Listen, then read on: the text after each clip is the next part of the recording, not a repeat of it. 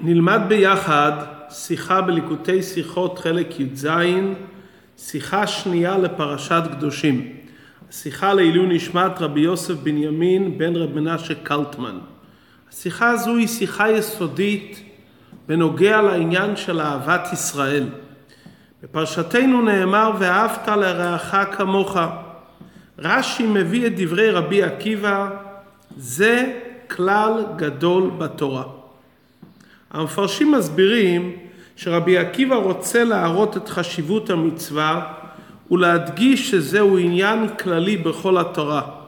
כמאמר המפורסם של הלל להגר, דהלך שני לחברך לא תעביד, השנוי עליך אל תעשה לחברך, זוהי כל התורה, ואידך פירושהו. עלינו להבין, רש"י בפירושו על התורה הוא נועד לבאר את הפסוקים כפשוטם. רש"י לא בא לבאר דברי התעוררות, רש"י אינו ספר של מוסר, אלא הוא בא לבאר את הדברים, אני לא באתי אלא לפי לפשוטו של מקרא. מה הקושי בפסוק זה שרש"י מישיב עליו באמצעות המאמר של רבי עקיבא, זה כלל גדול בתורה. המילים ואהבת לרעך כמוך לכאורה מובנות לחלוטין. מה חסר כאן שרש"י צריך לבאר? דבר נוסף שעלינו להבין, מדוע רש"י מביא את שמו של בעל המאמר. למדנו פעמים רבות שאם רש"י מביא את שם בעל המאמר, זה פותר לנו שאלות נסתרות. נקודת הדברים, שלומדים את הפסוק ואהבת לרעך כמוך, שאהבה ליהודי אחר צריכה להיות כמוך, כאהבת אדם לעצמו, מתעוררת מיד שאלה פשוטה. לשמה התורה מצווה עלינו ציוויים פרטיים על גניבה, על גזל, לא תיקום, ומצוות רבות שהן בין אדם לחברו. הרי כאשר מקיימים את מצוות ואהבת לרעך כמוך כראוי, נמנעים ממילא מלהזיק ליהודי אחר, ומשתדלים לעשות לו טוב וחסד. כי הרי ואהבת לרעך כמוך. מדוע התורה חוזרת על כל הפרטים? הרי ברגע שאנחנו נזכור תמיד את המצווה ואהבת לרעך כמוך, בדרך ממילא לא נעשה רע ונעשה רק טוב לשני. זו השאלה שהייתה לרש"י בפסוקנו. ועל זה רש"י אומר, ואהבת לרעך כמוך, זה כלל גדול בתורה.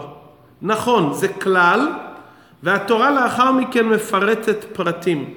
ומצינו פעמים רבות בתורה שהתורה מביאה כלל ולאחר מכן פרטים, וגם פרטים שמובנים מאליהם. והחידוש כאן, שבדרך כלל שהתורה אומרת כלל, היא לאחר מכן מפרטת מיד את הפרטים. כאן בפרשתנו נאמר הכלל, אבל הפרטים מפוזרים בכל התורה כולה. וזה דברי רש"י, כלל גדול בתורה, המילים ואהבת לרעך כמוך זה לא כלל רגיל, שכולל פרטים קטנים סמוכים לאותו פסוק, אלא זה כלל גדול שכולל פרטים רבים, וביניהם פרטים שהם בבחינת כללים ביחס לפרטים אחרים, וזה כלל בתורה. בכל התורה כולה מפוזרים פרטים הנובעים מאותו כלל גדול של כל התורה כולה, שמהו הכלל הגדול ואהבת לרעך כמוך. כלומר רש"י אומר נכון, יש כאן כלל גדול ופרטים. עד כאן יובנו דברי רש"י. עדיין צריך להבין על עצם הפסוק. כיצד ייתכן לצוות על אהבה? האדם שולט במעשיו, אבל האדם לא יכול לשלוט על רגשותיו. איך אפשר לצוות על כל יהודי לאהוב בליבו כל יהודי, שהרי ואהבת לרעך כמוך אין כאן הבחנה בין יהודי אחד לחברו, רש"י לא מביא את דברי חכמינו רעך בתורה ומצוות, אלא רש"י אומר רעך וגם ככה אנחנו רואים בדברי אדמו"ר הזקן ובספר התניא שהאהבה צריכה להיות לכל יהודי איך אפשר לדרוש דבר כזה? ולא רק סתם רגש של אהבה, אלא שרגש האהבה תהיה כמוך? וכפי שהרמב"ן מיד אומר כאן בפרשתנו, לא יקבל לב האדם שיאהוב את חברו כאהבתו את נפשו. זה בלתי אפשרי. התורה מצווה עלינו דבר שאי אפשר לקיים את זה. אדם לא יכול לאהוב את החבר כמו שהוא אוהב את עצמו. שאלה נוספת, מספר פסוקים לפני הפסוק ואהבת לרעך כמוך, נאמר ויראת מאלוקיך. מסביר רש"י, היכן נאמר ויראת מאלוקיך? כל דבר המסור לליבו של אדם, נאמר בו ויראת מאלוקיך. רש"י מביא את זה כמה פעמים. מדוע ב"ואהבת לרעך כמוך" לא אומרים ויראת מאלוקיך? הרי זה בוודאי דבר שהוא מסור ללב. זה לא דבר שהוא גלוי, ובפרט אהבה שהיא כמוך, זה בוודאי מסור אך ורק לליבו של האדם. מדוע לא נאמר כאן ויראת מאלוקיך, כנאמר בפסוקים אחרים המדברים על דברים המסורים לליבו של אדם. את השאלות הללו רש"י לא עונה בפירוש, אבל בזה שהוא מציין את שמו של בעל המאמר, רבי עקיבא, בכך הוא רומז תשובה לשאלה הראשונה. מכיוון ש"ואהבת לרעך כמוך" זה כלל, והקיום שלו זה על ידי ביצוע הפרטים המפורטים בתורה בכלל ובפרשתנו לדוגמה לא תלך רכיל, לא תשנא את אחיך בלבביך, לא תיקום, לא תגנובו.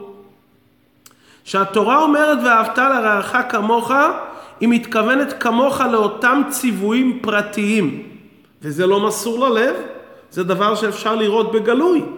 היות ו"ואהבת" זה הכלל, והפרטים הם פרטים מעשיים, ואותם כן אפשר לבצע, לכן התורה לא אומרת ויראת מאלוקיך.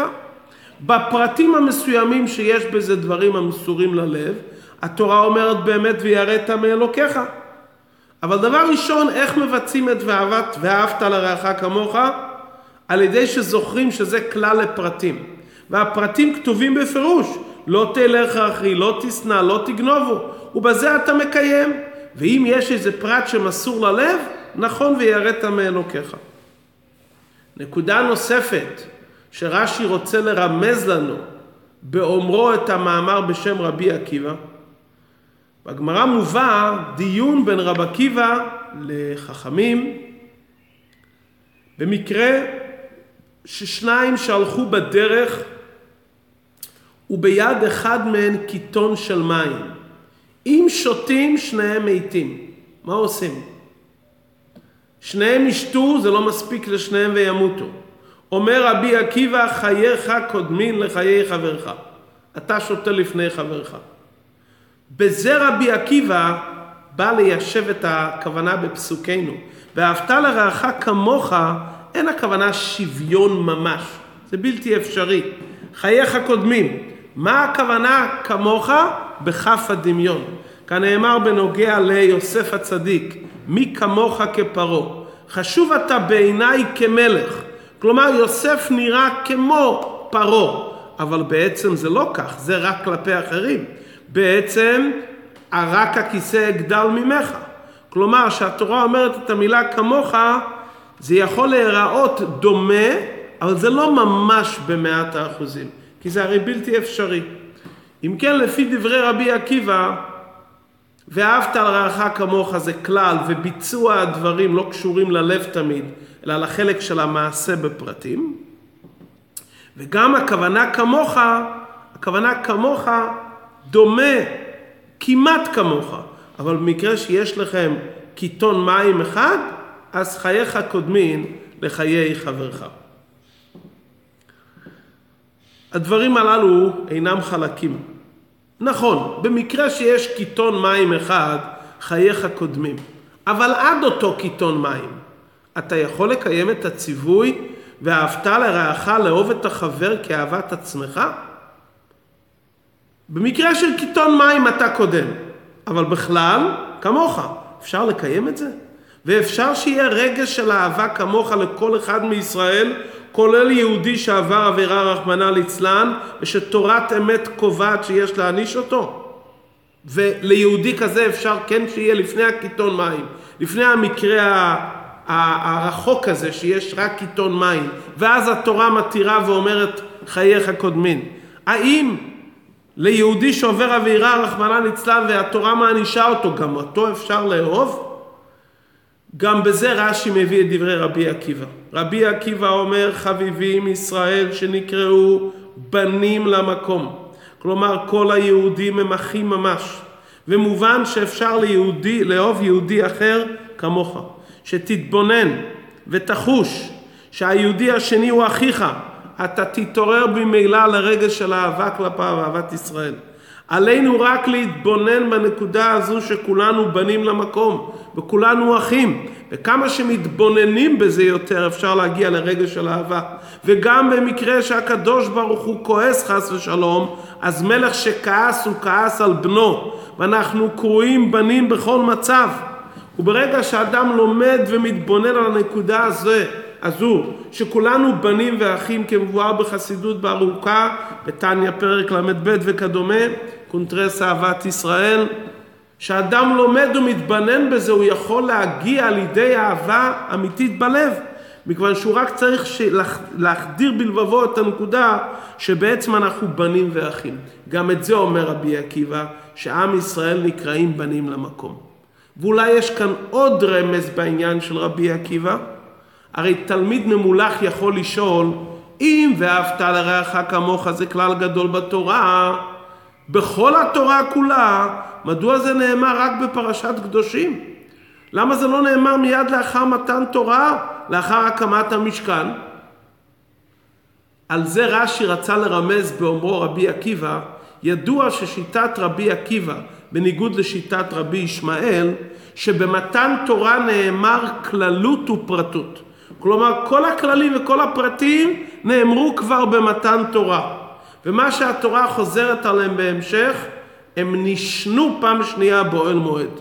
אם כן, לפי דברי רבי עקיבא, שגם הכללים וגם הפרטים נאמרו בהר סיני, אם כן הציווי ואהבת לרעך כמוך בפירוש נאמר מיד בהר סיני, כי הוא בעצם באמת כלל גדול בכל התורה כולה, הביצוע המעשי זה על ידי קיום הפרטים, הביצוע הלבבי זה על ידי התבוננות ותחושה שהאחר הוא לא אחר, הוא אחי, וכולנו בנים למקום, ואז אפשר לקיים ואהבת לרעך כמוך עד נקודה יוצאת מן הכלל בקיתון מים אחד, שאז אתה קודם לאחיך. עד כאן ביור הדברים ברש"י בפשוטו של מקרא, וכפי שאדמו"ר הזקן אומר שגם אלו שמצווה לשנותם מצווה לאוהבם גם כן כך אדמו"ר הזה כן מביא בתניא, ובתלמוד למדנו שאפילו אדם שחייב מיתה, למדים ברור לו מיתה יפה, ולומדים את זה מ"ואהבת לרעך כמוך". כלומר, גם חס ושלום אם יש איזה רשע שמחויב מיתה, גם אז עדיין אנחנו צריכים לחפש איך לעזור לו במקרה, אותו מקרה שהוא חס ושלום חייב מיתה. וכפי שהמאירי כותב, לעולם לא תהי שנאת אדם מונעת מלהיטיב לחברו בכל מה שאפשר לו להיטיב. כנאמר לו תשנא את אחיך בלבביך, ואדמו"ר הזקן אומר בשולחן ערוך מצווה על כל אדם לאהוב את כל אחד ואחד כגופו, והוא לא מביא את העניין שרעך דווקא בתורה ומצוות, אלא כל אחד ואחד ממש. עד כאן דברי רש"י והבנת הפסוק במילים ואהבת לרעך כמוך. בחלק השני של השיחה מסעיף ז' ואילך מבאר הרבה עניין בפנימיות התורה, עניין נפלא. בנוגע למצוות אהבת ישראל ישנם שני ביטויים. מאמר רבי עקיבא, שלמדנו על זה עכשיו ברש"י, זה כלל גדול בתורה. ויש לנו את מאמר הלל הזקן כמה דורות לפני זה, זוהי כל התורה כולה ואידך פירושהו. יש הבדל בין שני המאמרים. שאומרים זה כלל גדול בתורה, שזה דברי רבי עקיבא, כלומר שאהבת ישראל זה אחד מכללי התורה. וכלל גדול, אבל זה כלל אחד. זה לא כלל של כל התורה, זה כלל גדול בתוך התורה.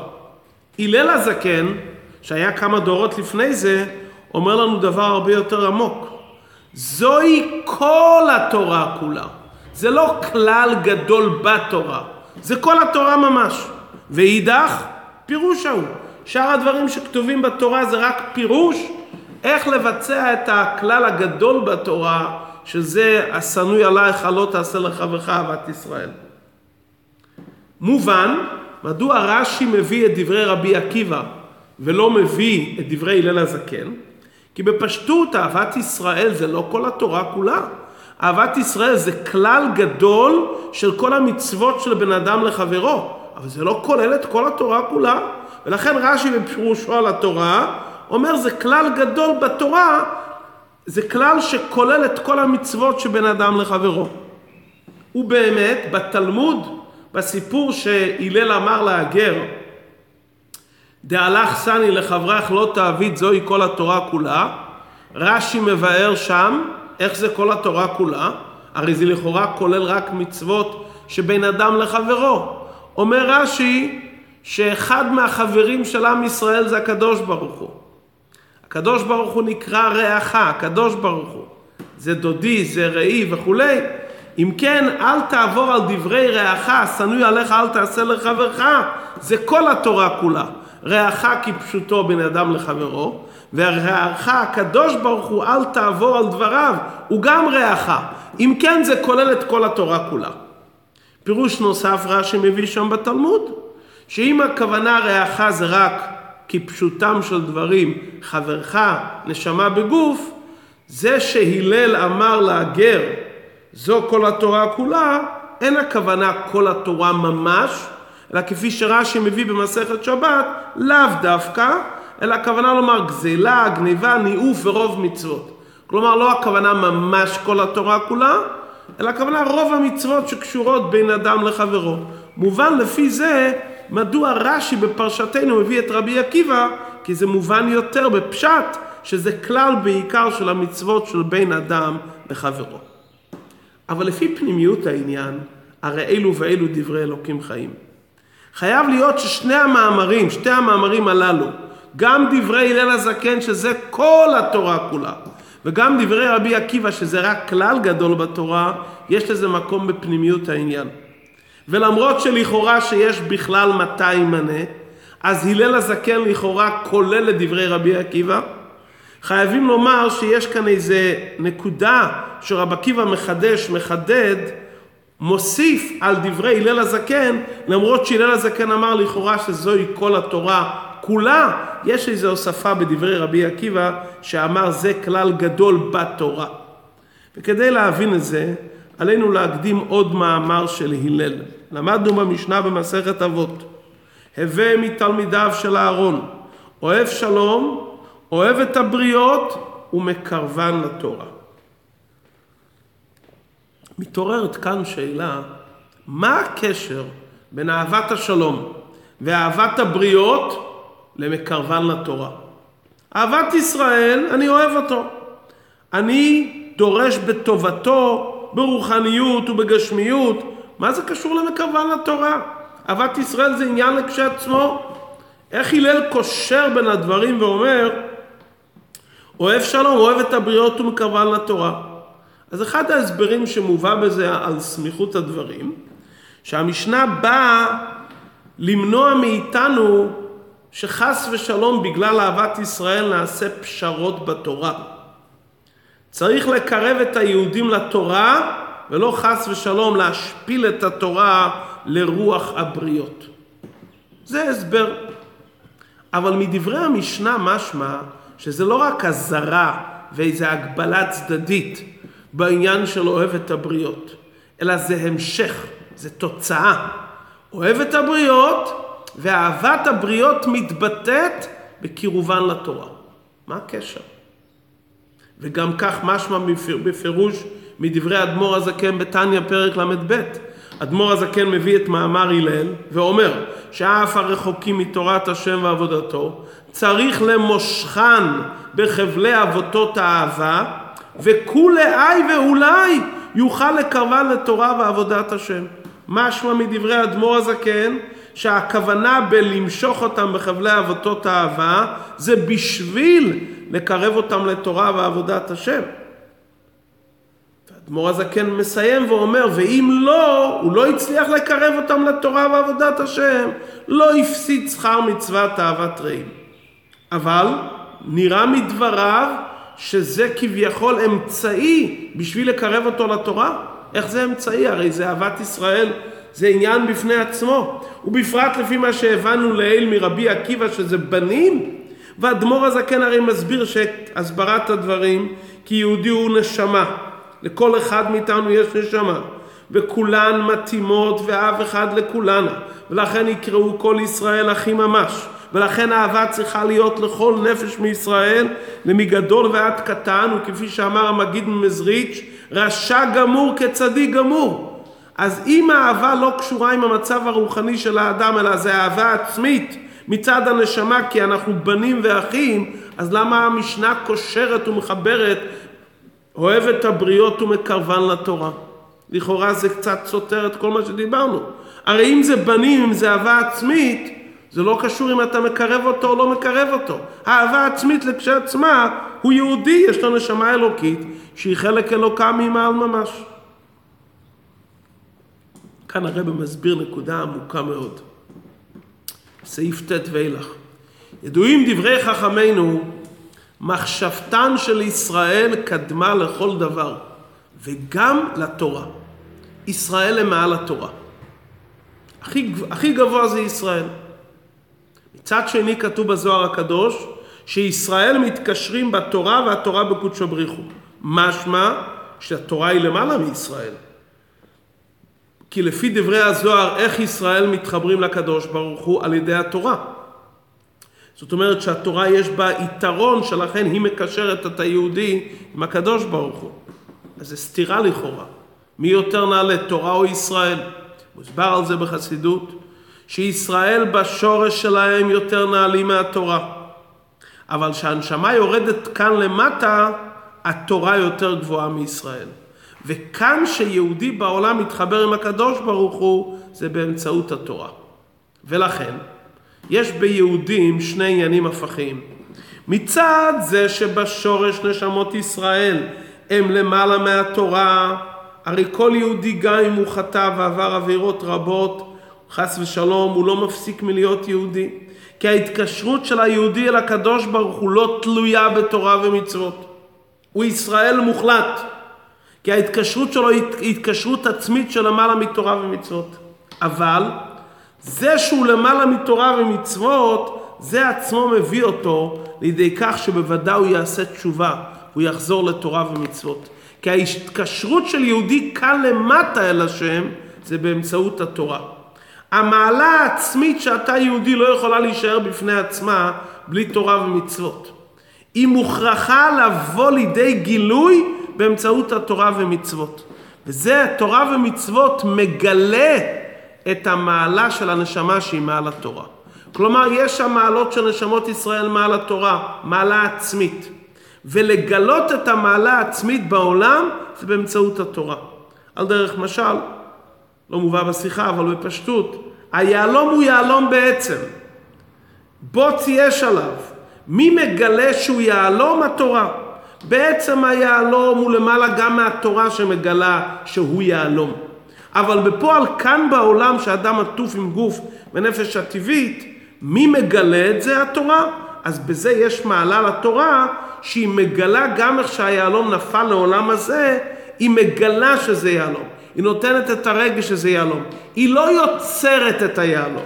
היהלום הוא יהלום מצד עצמו, והיהלום הוא יותר נעלה גם מהתורה בשורשו. אבל מי מגלה את היהלום כאן בעולם הזה? התורה. לפי זה מובן העניין שאהבת לרעך כמוך.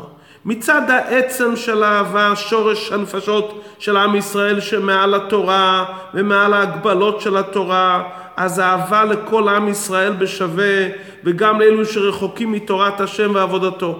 כי בדרגה הזאת של ישראל בשורשם למעלה מהתורה לפני שיהודי ירד כאן לעולם, אי אפשר להבדיל בין צדיק לבין יהודי רחוק מתורה ומצוות. וגם במקום הזה האהבה לא מוגבלת לרוחניות של הזולת.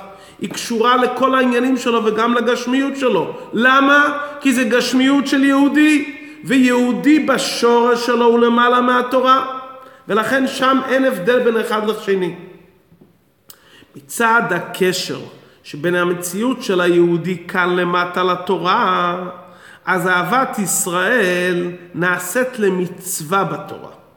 ברגע שזה מצווה בתורה, לא מצד העניין העצמי, ברגע שזה הופך להיות מצווה בתורה, מצד גדרי התורה שניתנו לנשמות בגופים עם כללים וגדרים, כאן צריך לאהוב את היהודי כי התורה מצווה, וכאן יש הגבלות וסייגים, התורה קובעת ואי אפשר לעשות פשרות, עד שיש יהודים מסוימים שהתורה קובעת שמצד אחד צריכים לשנוא את החלק הרע שבהם. זה מצד שהיהודי ירד כאן למטה נשמה בגוף, והתורה ניתנה לנשמות בגופים. אומרת התורה שבמקרים מסוימים כרגע האהבה מתגלית באופן שאתה דוחה את העניין.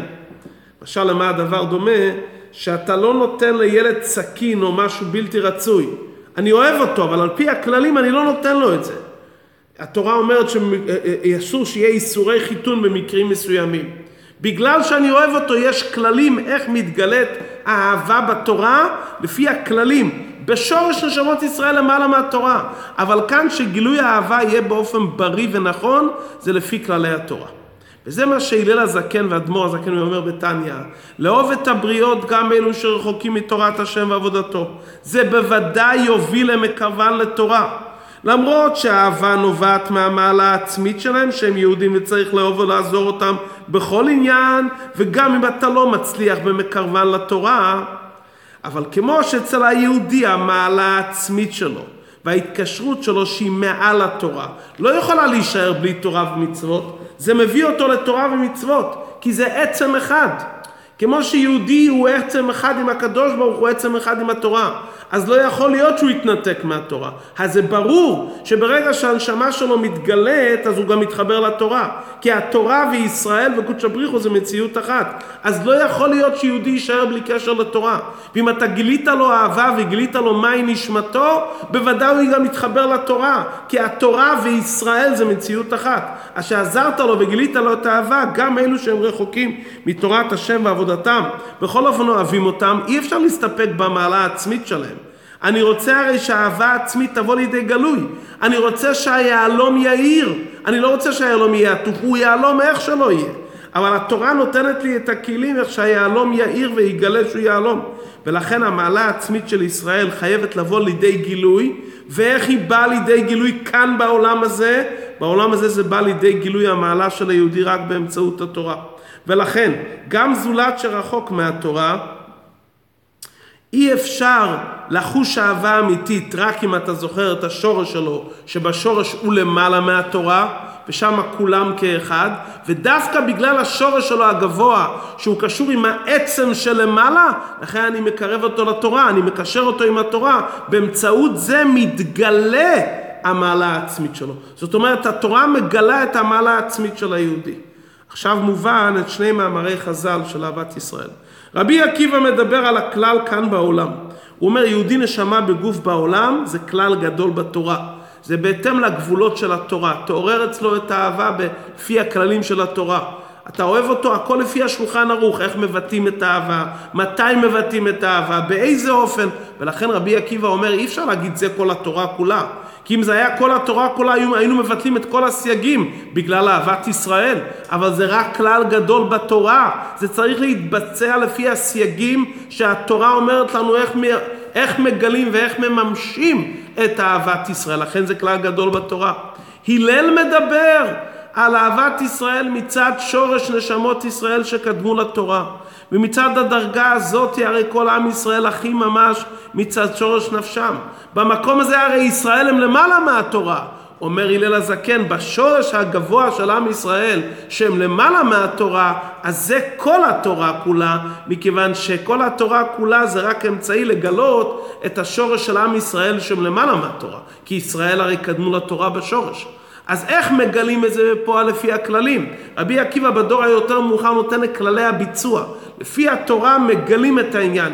הלל מדבר איך שהעניין מצד שישראל קדמו לתורה, במקום הזה כל התורה כולה כביכול בשביל המעלה של היהודי.